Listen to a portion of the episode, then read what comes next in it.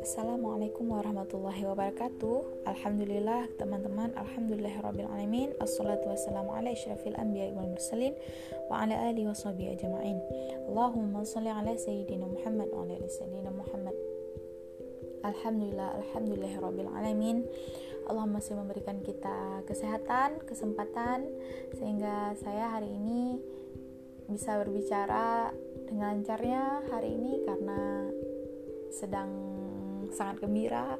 Ya sebenarnya bukan saya saja yang gembira. Sebagai seorang muslim sebagai muslim kita pasti sangat gembira sekarang ini karena yang kita tahu Presiden Recep Tayyip Erdogan telah mengabarkan kepada kita bahwa Hagia Sophia yang dulunya museum kini sudah kembali menjadi masjid.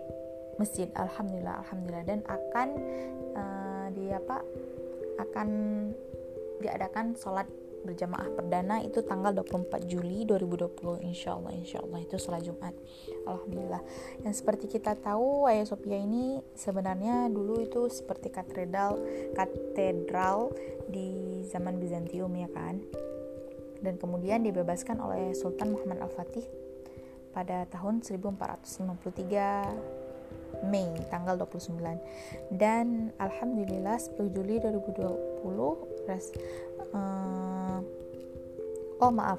Kemudian setelah itu pada zaman Kemal Ataturk ya kita tahu itu pemimpin sekuler Turki yang mengubah anti-anti Yahudi ya yang mengubah uh, status masjid status masjidnya uh, Hagia Sophia menjadi museum. Dan kemudian alhamdulillah pada tanggal 10 Juli 2020 Hagia Sophia kini telah menjadi masjid kembali. Alhamdulillah alhamdulillah. Teman-teman uh, pada kali ini mungkin cuman mau sharing aja ya. Kita sebagai seorang muslimah sebagai seorang muslim khususnya Allah itu telah mengabarkan kita banyak hal terutama dari lisannya Rasulullah Muhammad SAW bahwa kita itu akan menjadi pembebas-pembebas dari dua kota besar. Yang pertama Konstantinopel dan yang kedua Romawi. Dan sekarang ini ada yang harus lebih kita prioritaskan pembebasannya yaitu Baitul Maqdis.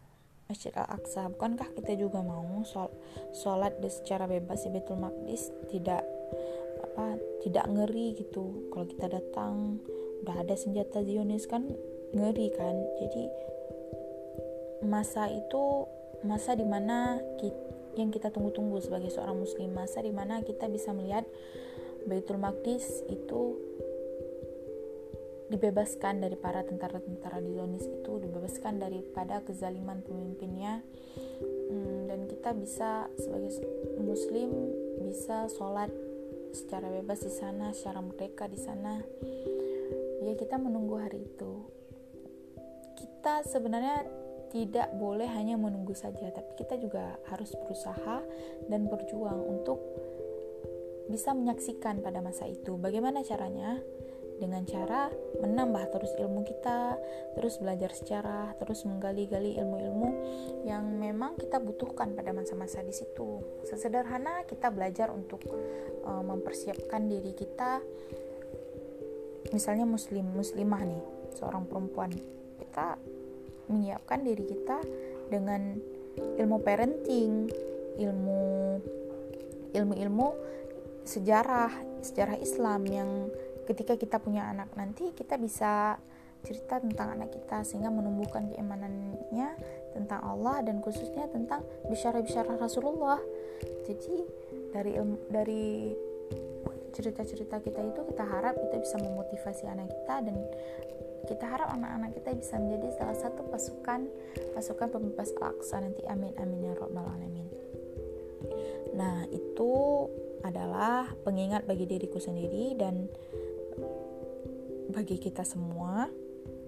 Semoga kita bisa menjadi orang yang terus bermanfaat, berguna, dan semoga uh, kabar gembira ini kabar gembira hari ini uh, kembalinya Ayah Sophia menjadi sebuah masjid itu sangat memotivasi kita, sangat menginspirasi kita dan kita ambil hikmahnya bahwa janji Allah itu benar, janji Allah itu benar dan memang Allah sedang memberikan kita sedikit demi sedikit uh, penampakan kebangkitan Islam ya mulai mulai nih kebangkitan Islam. Dan semoga semoga nanti suatu hari kita akan melihat benar-benar Islam bangkit secara kafah yang di mana kita bisa berkontribusi di situ. Tidak tidak mungkin mungkin tidak kita tapi anak cucu kita bisa bisa bisa hadir kontribusi jasanya di situ seperti itu.